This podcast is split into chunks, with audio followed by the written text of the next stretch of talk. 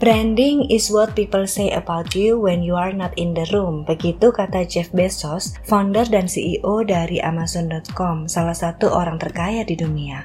Personal branding adalah apa yang orang lain katakan soal kamu saat kamu nggak ada di ruangan yang sama dengan mereka.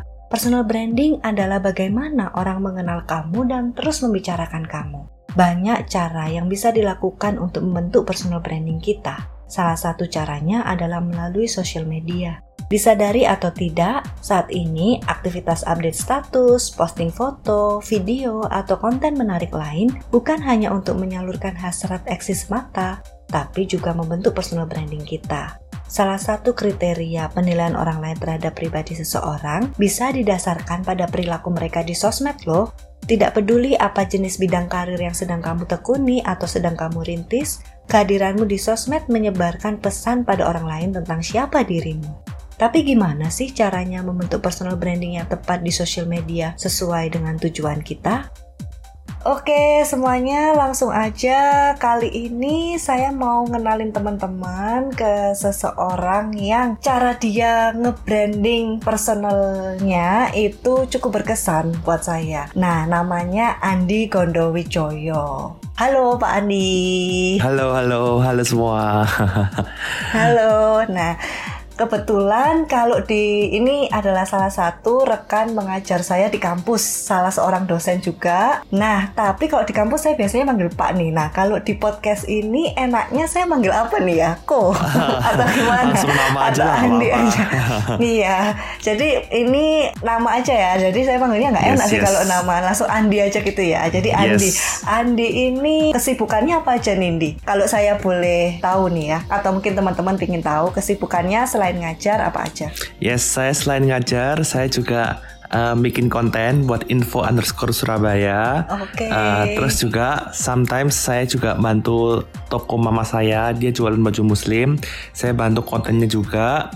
Terus saya juga punya dance crew, dance crewnya saya yang ngatur sebagai manajernya. Jadi saya ngatur mengelola IG-nya sampai kalau ketemu klien juga saya dan lately saya juga lagi ada waktu lowong sehingga mau bikin konten buat akun personalnya saya nih. oh gitu ya.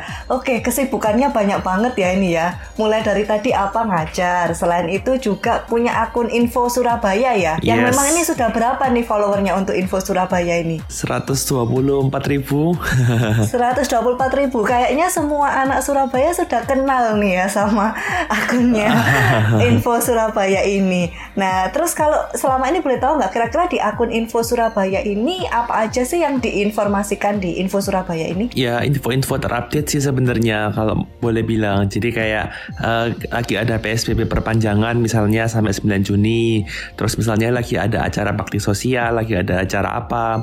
Sebenarnya memang kita nggak bisa gerak sekarang untuk di masa corona. Cuma kebanyakan netizen netizen udah kayak kirim konten ke aku. Jadi aku bisa lebih leluasa, lebih banyak jenis yang bisa aku upload gitu loh oh. nggak dari sebelum sebelumnya okay. karena pun mungkin juga netizen juga punya lebih banyak waktu untuk sharing akan hal itu Oke, jadi memang kesibukan Info Surabaya ini sekarang memang agak susah karena corona, tapi sebenarnya udah banyak konten yang numpuk nih ya buat diposting dan buat dijalanin yeah. ya. Oke.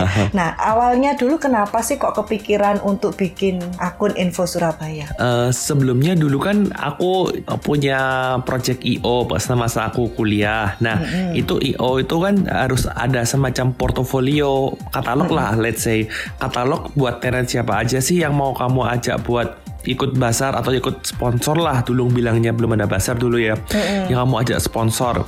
Nah aku uh, daripada bikin di Excel dulu belum mengerti Google Drive belum mengerti Google Excel. Nah uh, belum mengerti Google Spreadsheet jadi kayak bikinnya di Instagram aja deh gampang. Jadi semua bisa akses.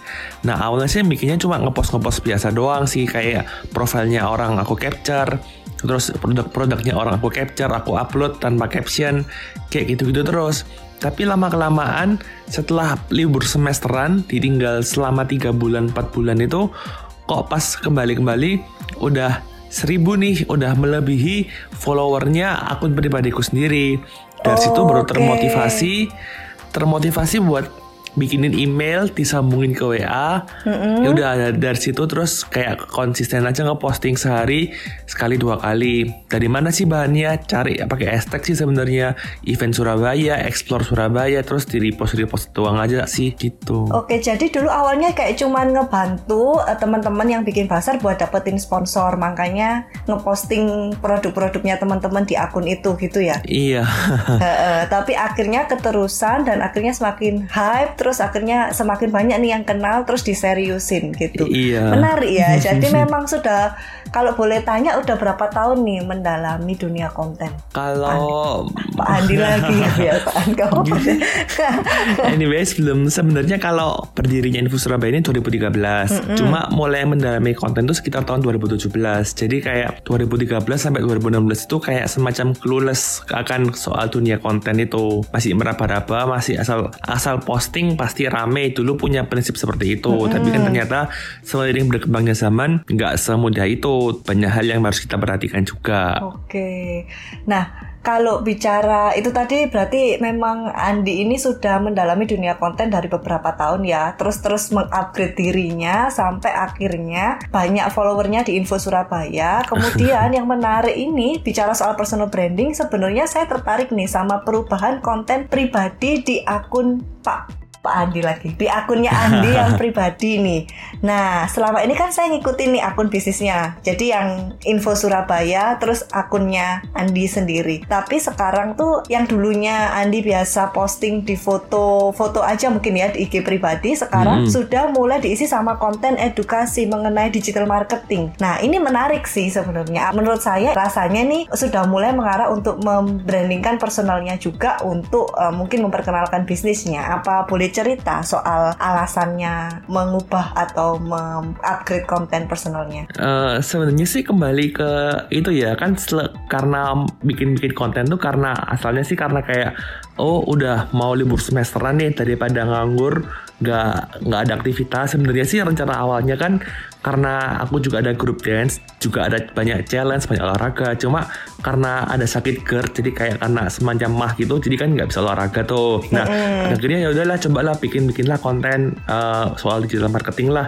Cobalah gua upload satu dua gitu. Nah pertama-tama kan juga loh yang awal cuma iseng-iseng kok ternyata yang nge-save juga banyak sih kayak 150 kaget banget sih. Buat yang pertama-tama itu akhirnya bikin lagi deh coba bikin yang kedua. Coba bikin yang kedua coba bikin yang ketiga. Tadi yang pertama yang nge-save berapa? Dari konten pertama yang nge-save ya? Bookmark mm -mm. berarti ya? Iya dia yang nge-save 150-an iya 150-an dari yes. konten yang ditaruh di IG personalnya Andi ya? Yes betul Iya. iya, 150 untuk postingan pertama. Nah, kalau misalnya saya mau nanya, kira-kira beda jumlah save-nya sama postingan yang sebelumnya gimana? Uh, kalau postingan sebelumnya sih, ya yang nge-save antara 0 sampai 4 kali ya.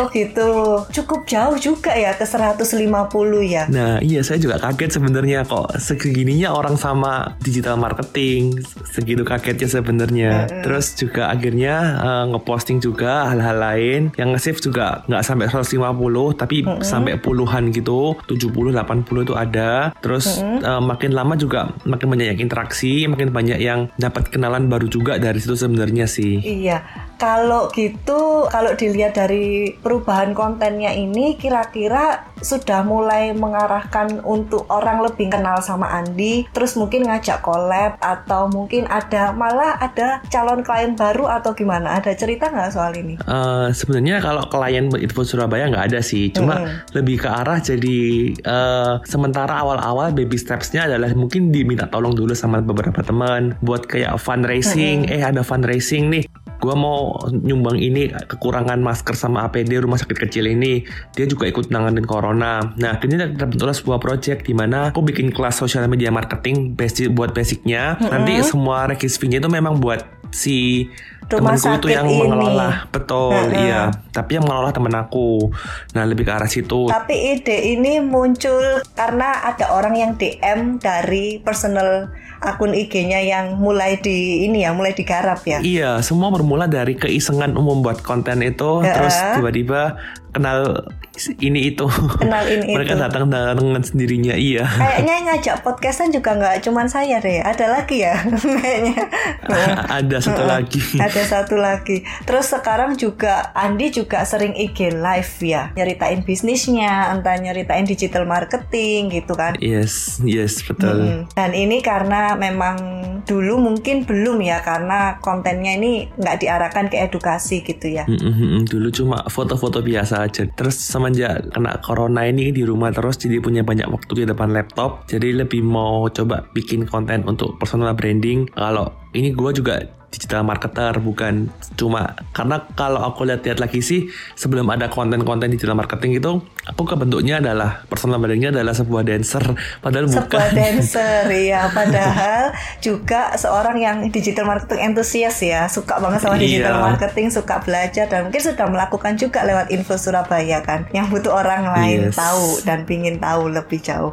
Oke menarik ini ya. Nah kalau eh, boleh cerita nggak, sebenarnya kalau kita mau misalnya eh, ada teman yang mau juga karena mendengarkan Andi ini kemudian oh aku juga harus nih kayaknya mulai IG personalku digarap supaya personal brandingku semakin terbentuk citra diriku semakin terlihat. Terus prosesnya gimana sih? Apa yang harus kita lakukan atau apa yang harus teman-teman lakuin nih dibuat eh, bisa ngebentuk mulai mulai untuk eh, membentuk personal branding di social media ini untuk tujuan profesional ya pasti Oke, untuk memulai sih sebenarnya gue punya panutan namanya Ko Felixandro Ko, Ko Ruby, Ko Ruby. Felixandro Ruby.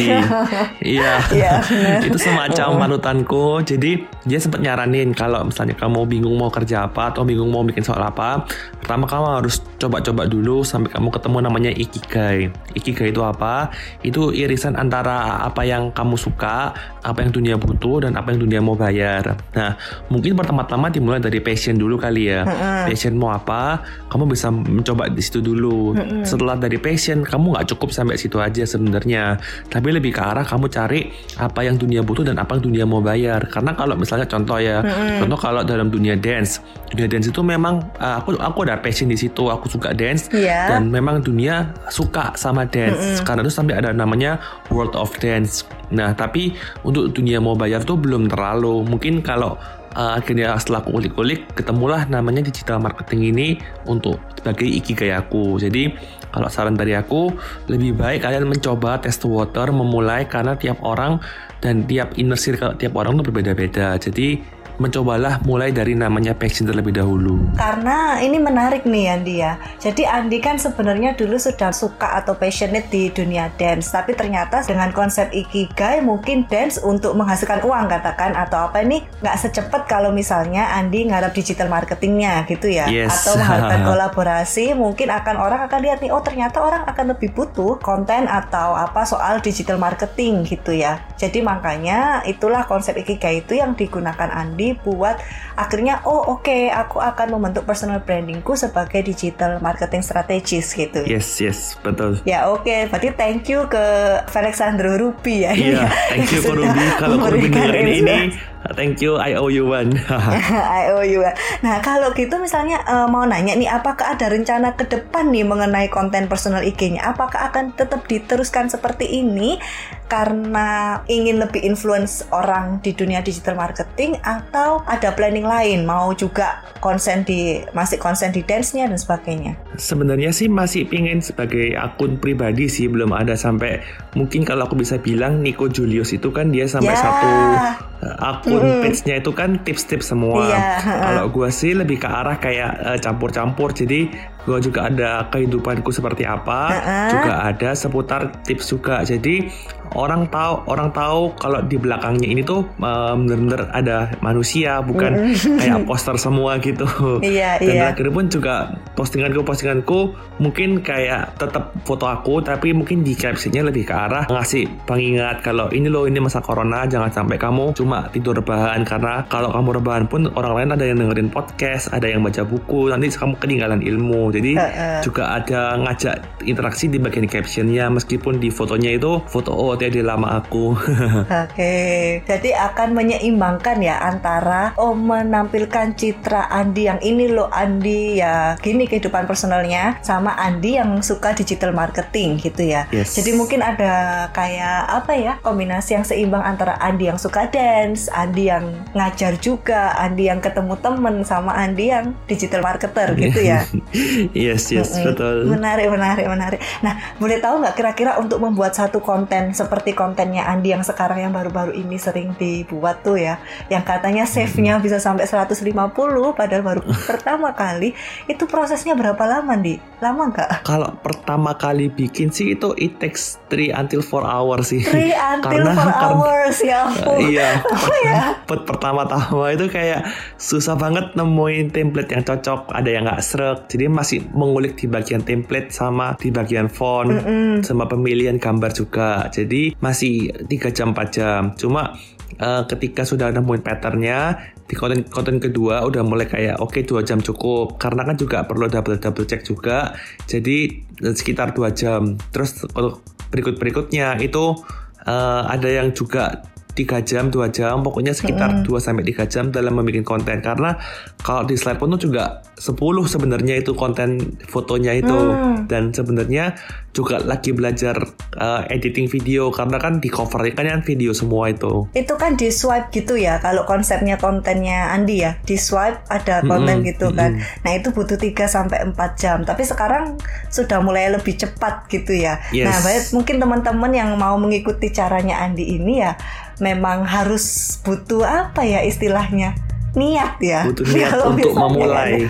Mm-mm, dan kayaknya kita harus ngerti branding juga karena kan satu konten itu akan dibuat mirip-mirip tuh nuansanya, maksudnya fontnya, yes, terus tone-nya yes. dan sebagainya dan sebagainya. Betul. Tapi Andi enjoy ya melakukan ini ya. Enjoy karena lumayan banyak waktu sih. Mm-mm. Nah kalau kata panutanku Korubi itu kan dia punya semacam tagline, uh, jangan lupa belajar. Setelah kita belajar, kita nggak cuma belajar sampai di surface aja, terus kita juga berkarya. Mm-mm. Jangan cuma berkaryanya satu dua aja, tapi berkarya karya sebanyak mungkin seikigai kamu yang terakhir jangan lupa untuk berbagi hmm. jadi uh, aku juga menerapkan hal itu supaya bisa juga untuk orang lain yang kurang punya privilege untuk bisa belajar digital marketing bisa belajar juga. Hmm, jadi memang, nah ini memang kalau Korubi emang banget banget kayaknya orang paling produktif se Indonesia ya.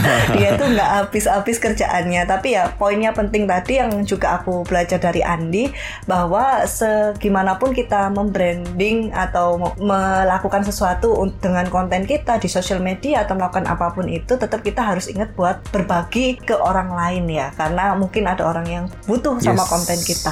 Jadi memang motivasinya Andi bikin konten ini lebih untuk share aja ya ke orang lain ya. Mungkin yang nggak punya apa ya privilege privilege buat ngerti soal digital marketing karena mungkin nggak bisa sekolah atau nggak bisa ngambil kursus digital marketing, tapi sudah cukup bisa dapat gambarannya dari kontennya Andi gitu yes. ya. Wah menarik menarik nggak salah nih kayaknya undang Andi. yang menjadi motivasi lainnya sebenarnya tuh kayak ketika pas saya bikin bikin konten pertama konten kedua dapat kayak mm -hmm. banyak DM tiba-tiba tapi kan meskipun dari teman-teman sendiri dia itu cerita kalau eh berkat kamu tuh loh aku tuh awalnya tuh ragu mau bikin um, micro influencer agency tapi mm -hmm. kayak setelah baca postinganmu aku jadi langsung kayak uh, serak gitu loh untuk membuatnya terus yeah. ada iya. juga yang dulu tuh dia beauty blogger terus tiba-tiba dulu dia itu kayak jadi males karena dia itu kayak tanda kutip uh, sepi endorsan lah anggapannya. Terus lama kelamaan dia lihat postinganku dia mulai coba-coba lagi memulai dan akhirnya juga lumayan sustain akibat kena corona ini. Wah pada saat orang merasa konten kita berguna dan itu bisa membantu mereka pasti rasanya happy banget ya di?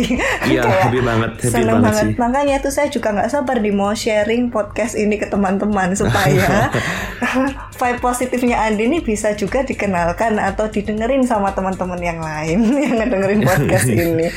yes, Oke, okay. yes. nah ini menarik banget ya. Jadi Andi membentuk personal brandingnya sebagai seorang digital marketer melalui konten di sosial medianya. Yes, yes Pasti prosesnya susah, waktu bikin kontennya lama, tapi banyak hal yang didapetin. Kayak misalnya kita bisa kenal orang, bisa ngebantu orang dan berbagi sama orang juga. Yes. Menyenangkan, iya.